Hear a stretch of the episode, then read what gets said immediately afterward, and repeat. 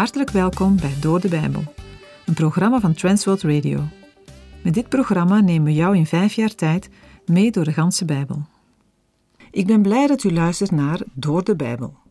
Vandaag uitzending 576.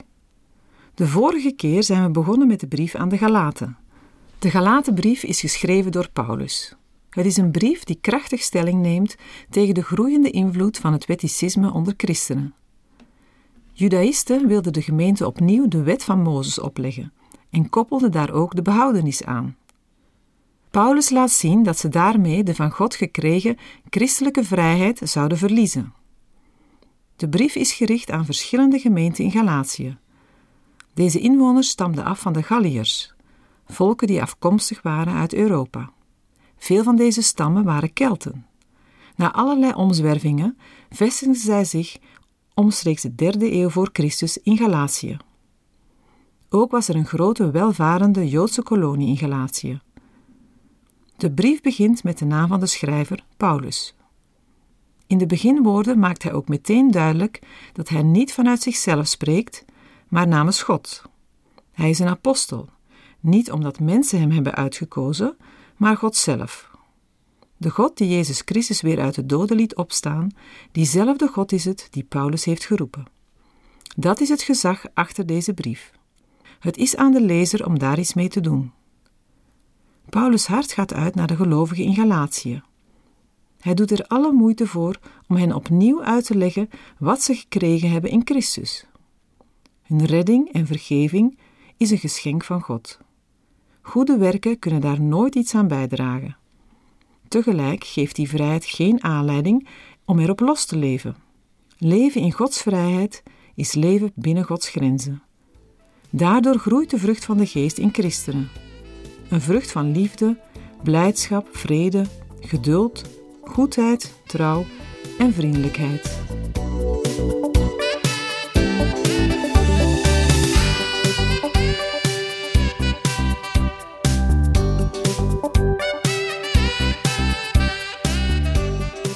De brief aan de gemeenten in Galatië is Gods reactie op het wetticisme van de Joodse christenen die beweerden dat, om behouden te worden, een mens zich wel moet houden aan de wetten van Mozes. Maar in de brief zien we ook dat de wet van Mozes niet in discrediet wordt gebracht. Nog wordt gij geminacht. De waardigheid, volmaaktheid, eisen, volledigheid en het doel van de door God gegeven wet blijven bewaard. Toch zijn het juist deze kwaliteiten die het voor een mens onmogelijk maken om via het houden van de wet het met de Heere in orde te maken. Paulus wijst op een andere en betere weg voor een mens om rechtvaardig voor God te worden. De weg van de rechtvaardiging door het geloof in Jezus Christus. Er zijn in het Nieuwe Testament drie Bijbelboeken waarin we een citaat uit Habakkuk 2, vers 4 vinden. Daar staat: De rechtvaardige zal door zijn geloof leven. Dit vers wordt driemaal geciteerd in het Nieuwe Testament. In Romeinen 1, vers 17 met de nadruk op de rechtvaardigen in Hebreeën 10, vers 34, met nadruk op het feit dat de mensen die rechtvaardig zijn door hun geloof echt zullen leven. En in Galaten 3, vers 11 vinden we het de derde keer. Daar staat: En dat door de wet niemand gerechtvaardigd wordt voor God, is duidelijk, want de rechtvaardige zal uit het geloof leven. In Galaten 3 ligt de nadruk op geloven. Voor de Judaïsten was geloven alleen niet genoeg. Volgens hen was het doen van de wet ook noodzakelijk. Paulus zegt nee tegen deze dwaalleer. Maar de tegenstanders van de apostel Paulus zetten niet alleen vraagtekens bij zijn boodschap van genade alleen, maar ook bij zijn apostelschap. Volgens hen kan iemand die zulke dingen zegt geen echte apostel van Jezus Christus zijn. Gelijkaardige beschuldigingen vonden we ook in de brieven aan de Corinthiërs. Galaten 1, vers 2. Van Paulus en al de broeders die bij mij zijn, aan de gemeenten van Galatië. Paulus noemt in de aanhef geen namen. Dat is blijkbaar niet het belangrijkste. Het goddelijke gezag blijft natuurlijk doorslaggevende. Maar deze woorden benadrukken dat daarbovenop ook al de broeders die bij hem zijn, het met hem eens zijn. De gemeenten moeten goed weten wat ze doen als ze dit apostolische gezag afwijzen. Over de geadresseerden, de gemeenten van Galatië, hebben we het in de vorige uitzending gehad. Het is niet met zekerheid te zeggen wie er nu precies bedoeld wordt. Er bestaan twee theorieën, de Noord- en Zuid-theorie. Hoe het ook zij, het meervoud duidt er sowieso op dat het om een rondzendbrief gaat. Iemand ging met de brief langs de geadresseerde gemeenten, waar hij werd voorgelezen. Mogelijk kon hij dan ook worden overgeschreven. Het origineel ging in elk geval verder, gezien het eigenhandige slot in Galaten 6. Het woord gemeente of kerk wordt in het Nieuwe Testament op twee manieren gebruikt. Een eerste betekenis van de aanduiding duidt het totaal van alle gelovigen in, als het lichaam van Christus of de gemeente van Christus. Daarbij gaat het om allen die op Jezus Christus hun vertrouwen hebben gesteld. Bijvoorbeeld, in de brief aan de Efeziërs kijken we naar de gemeente of de kerk als één lichaam van gelovigen. Alle gelovigen van heel de wereld en van alle tijden. Deze grotendeels onzichtbare kerk is zichtbaar in plaatselijke kerken en gemeenten, die het woord van God liefhebben en de Heer Jezus Christus beleiden als de enige verlosser en zaligmaker. Een gelovige die de Heer Jezus Christus wil navolgen als zijn of haar Heer, wordt verondersteld zich aan te sluiten bij een christelijke kerk of gemeente. In het Bijbelboek Hebreeën lezen we in hoofdstuk 10, versen 23 tot en met 25 het volgende. Laten wij de beleidenis van de hoop onwrikbaar vasthouden, want Hij die het beloofd heeft, is getrouw. En laten wij op elkaar laten door elkaar aan te vuren tot liefde en goede werken. Laten wij de onderlinge bijeenkomst niet nalaten, zoals het bij sommigen de gewoonte is, maar elkaar aansporen, en dat zoveel te meer als u de grote dag ziet naderen. De tweede betekenis van gemeente of kerk verwijst naar een meer plaatselijke aanduiding, waar de diensten of samenkomsten worden gehouden. In een bepaald gebied kunnen dan meer gemeenten en kerken zijn, en dat is hoe Paulus het woord in dit vers gebruikt. Er waren kerken en gemeenten in heel de provincie Galatië. Er was een kerk in Antiochië, in Pisidië, in Derbe, in Lystra en in andere plaatsen die Paulus had bezocht. Paulus schreef in deze brief aan alle gemeenten of kerken van Galatië. Galaten 1 vers 3 Genade zij u en vrede van God de Vader en van onze Heere Jezus Christus. Dit is een gebruikelijke groet van de apostel Paulus. Boven een Griekse brief stond meestal genade. De Joodse groet was shalom, wat vrede betekent. Mogelijk was dit bij bepaalde Grieks sprekende Joden een algemeen gebruikte groet. Toch hebben deze woorden bij Paulus een veel diepere betekenis. Gods genade is nodig om het heil tot stand te brengen. Zelfs onze beste prestaties zullen dit niet kunnen verdienen. God moet het geven, helemaal gratis, als een onverdiende gunst. Deze beide gaven, genade en vrede, komen zowel van God de Vader als van de Heer Jezus Christus. Galaten 1, vers 4. Die zichzelf gegeven heeft voor onze zonden, opdat hij ons zou ontrukken aan de tegenwoordige slechte wereld, overeenkomstig de wil van onze God en Vader. Wat een fantastische woorden. Met deze versen wordt als het ware het hele Nieuwe Testament, de boodschap van het heil in Christus, kort samengevat. Paulus kaart het geregeld aan, en ook wij kunnen er niet voldoende van doordrongen zijn. Jezus Christus heeft zichzelf overgegeven. Het is de basis van het heil, van de redding en verlossing, waarin de gemeente van Christus mag leven. Maar hij deed dat niet zomaar. Onze zonden hebben zo compleet de band met de Heere verbroken dat het offer van Christus nodig was en is om deze band te herstellen. Bovendien brengt Gods heilshandelen een totale omkeer in ons leven. Want met het woord wereld wordt hier niet het tijdelijke bestaan bedoeld, maar het oude, zondige leven, dat het nieuwe leven van een christen niet meer mag bepalen. Met de komst van Christus is er een nieuw tijdperk aangebroken. De dag van de redding. Wie in hem gelooft, is dan ook een nieuwe schepping. In 2 Korinthe 5, vers 17 staat: Daarom, als iemand in Christus is, is hij een nieuwe schepping. Het oude is voorbij gegaan. Zie, alles is nieuw geworden. Deze totale verandering is de basis van een oproep om echt te geloven, om ons leven door dit nieuwe en niet meer door het oude te laten bepalen. En hierin openbaart zich de wil van God.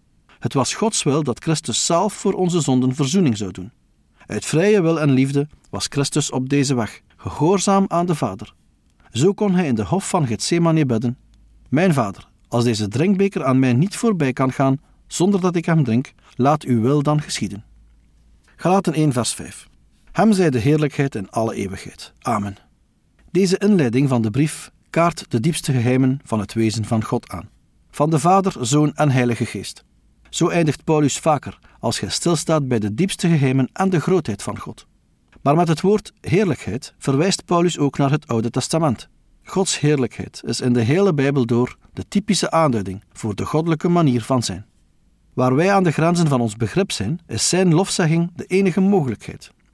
Paulus zegt het zo: Aan God, onze Vader, komt alle eer toe, voor altijd en eeuwig. Amen. Voor altijd en eeuwig staat in de grondtekst in de meervoudsvorm. Met andere woorden, het houdt niet op. De lofprijs over het wezen van God is oneindig. Amen betekent letterlijk zeker, het is zo, of het zij zo. Het was waarschijnlijk ook een gebruikelijk antwoord en reactie van de gemeente. Het werd door de gemeente of de gelovigen herhaald als de voorlezer bij de lofprijzing kwam. Ook in het Oude Testament wordt het gebruikt als bekrachtiging, bijvoorbeeld van de lofprijzingen, aan het slot van de vier delen van het Bijbelboek Psalmen, aan het slot van Psalm 41, 72, 89 en 106. Je ziet het, Paulus was er vol van. Menselijke woorden schieten vaak tekort om de Heer de eer te geven die hem toekomt. Ook ik ben er sprakeloos van als ik het laat doordringen. Jezus Christus heeft zichzelf voor onze zonden aan de dood overgegeven. Hij gaf zichzelf uit liefde voor jou en mij. Hoe prachtig en heerlijk is dat? Dat is de kern van wat Paulus aan de Galaten duidelijk wil maken. Maar dat is ook de kern van wat wij, met door de Bijbel, duidelijk willen maken. Wereldwijd ontvangen de radiostations van TWR duizenden brieven van mensen die zich tot Christus hebben bekeerd en werden bevrijd. Om een aantal voorbeelden te noemen. Ze werden bevrijd van drugs, van alcohol of van andere zonden. Alleen Jezus Christus kan in alle gevallen bevrijding schenken. Het zijn tekenen die de echtheid van het evangelie bevestigen. Paulus kan zeggen: Jezus is mijn redder. Ik kan zeggen: Jezus is mijn redder. Ik hoop en bid dat jij dat ook kan zeggen. Galaten 1, vers 6. Ik verwonder mij erover dat u zich zo snel afwendt van hem die u in de genade van Christus geroepen heeft, naar een ander evangelie, terwijl er geen ander is. Na de begroeting maakt Paulus de gemeente zijn verbazing en terechtwijzing bekend. In al zijn andere brieven staat na de begroeting een dankzegging of een lofbetuiging vanwege de genade die de gemeente geschonken is en die ze heeft ontvangen door het evangelie aan te nemen. Dit in gedachten houdend benadrukt het Paulus verbazing. Hij valt direct met de deur in huis en stelt aan de orde waar het hem om gaat. De gemeente heeft zich snel laten verleiden. Ze heeft Jezus Christus de rug toegekeerd en een ander evangelie geloofd. Paulus benadrukt dat God hen geroepen heeft. Want alleen door de verschijning van Gods genade in de komst van Christus kan iemand geroepen worden tot Gods heil. Zo is de Heer tot ons gekomen in zijn Zoon. Zo heeft Paulus het ook zelf ervaren. God heeft in zijn genade ook de Galaten geroepen, maar zij hebben hem de rug toegekeerd. Want de genade moet blijvend het leven bepalen. Ze moet niet vervangen worden door regels van de wet. Paulus zegt in 1 Korinthe 15, versen 3 tot en met 5: Want ik heb u ten eerste overgeleverd wat ik ook ontvangen heb: dat Christus gestorven is voor onze zonden, overeenkomstig de Schriften, en dat hij begraven is, en dat hij opgewekt is op de derde dag, overeenkomstig de Schriften, en dat hij verschenen is aan Kefas, daarna aan de twaalf. Dit zijn historische feiten van het Evangelie. Het Evangelie wordt in de wereld verkondigd, maar niet door iedereen aangenomen en aanvaard. Een mens kan het Evangelie gehoord hebben en misschien zelfs aangenomen hebben, maar het na een tijdje toch de rug toekeren. Ook vandaag zijn er veel mensen die het verruilen voor een ander evangelie, dat eigenlijk helemaal geen evangelie is. Galaten 1, vers 7. Al zijn er ook sommigen die u in verwarring brengen en het evangelie van Christus willen verdraaien. De Judaïsten waren Paulus in het gebied van de Galaten gevolgd. Zij spreken de feiten van het evangelie niet tegen. Uiteindelijk hadden meer dan 500 mensen tegelijk de Heer Jezus na zijn opstanding gezien. Als er zoveel mensen beschikbaar zijn als getuigen, ga je niet de feiten van het evangelie ontkennen, omdat je niet één van die 500 mensen bent geweest. De dwaalleer die de Judaïsten verkondigden, was dat zij van mening waren dat gelovigen, ook al waren zij geen Joden, de wet van Mozes moesten houden. Het is opvallend dat de apostel Paulus dat bijvoorbeeld nooit tegen de gevangenbewaarder uit Filippi heeft gezegd. In Handelingen 16, vers 31 hebben we gelezen: Geloof in de Heere Jezus Christus, en u zult zalig worden, u en uw huisgenoten. Ook de apostel Petrus zei tegen het Sanhedrin in Handelingen 4, vers 12: En de zaligheid is in geen ander, want er is onder de hemel geen andere naam onder de mensen gegeven, waardoor wij zalig moeten worden. Christus gaf zijn volgelingen de opdracht het evangelie van genade te prediken. Dat evangelie sluit eigen werk uit. Waar de kern van het evangelie, de genade van Christus, weg is, blijft er niets van het evangelie over. Het evangelie wordt dan, in plaats van een boodschap van bevrijding, een boodschap van slaafse wetten. Zij die zo strikt de regels van het Oude Testament willen houden, geven een verkeerd beeld van Christus. Galaten 1 vers 8 Maar zelfs als wij, of een engel uit de hemel, u een evangelie zouden verkondigen, anders dan wat wij u verkondigd hebben, die zij vervloekt. Het evangelie zelf is de enige norm. Paulus stelt zichzelf onder dit gezag. Het gaat niet om hem persoonlijk, het gaat alleen om de zaak van Christus, van wie hij een apostel is. Mogelijk hebben de tegenstanders van Paulus hun boodschap kracht willen bijzetten door zich te beroepen op een speciale openbaring uit de hemel. Maar als iemand een ander evangelie verkondigt, afwijkend van het evangelie van Christus, die zij vervloekt. De verkondiger is gebonden aan de boodschap van Christus. Ook de gemeente heeft een duidelijk criterium gekregen om ware van valse verkondiging te onderscheiden. Ook in onze tijd kunnen we engelen en of personen tegenkomen die proberen ons een ander evangelie te brengen. En ze zullen er zeker niet altijd slecht uitzien, want Satan zelf kan zich voordoen als een engel van het licht. Galaten 1 vers 9 Zoals we al eerder gezegd hebben, zo zeg ik ook nu weer. Als iemand u een evangelie verkondigt, anders dan wat u ontvangen hebt, die zij vervloekt. Mogelijk waren er al eerder zulke problemen in de gemeente geweest, dat Paulus bij zijn tweede bezoek aan de Galaten een dergelijke vervloeking al had moeten uitspreken. Paulus herhaalt dikwijls, maar dat is echt niet onnodig. Ook ik wil het herhalen, want ontelbare keren kom ik christenen tegen die maar niet de kern van het evangelie kunnen vasthouden. Wat antwoord jij wanneer iemand jou vraagt wat de kern van het evangelie is? Het is en blijft gered, enkel en alleen door genade. In Romeinen 4 vers 5 staat: Bij hem echter die niet werkt, maar gelooft in hem die de goddeloze rechtvaardigt, wordt zijn geloof gerekend tot gerechtigheid. Galaten 1 vers 10 Want ben ik nu bezig mensen te overtuigen of God? Of probeer ik mensen te behagen? Als ik immers nog mensen behaagde, zou ik geen dienstknecht van Christus zijn. Als je vandaag het evangelie van genade predikt, kun je in de problemen komen, omdat het evangelie van genade bevestigt dat mensen zondaar zijn. Maar dat kan je nog moeilijk zeggen, zonder als onverdraagzaam bestempeld te worden. Toch blijft ook voor ons de vraag: proberen we mensen of God te behagen?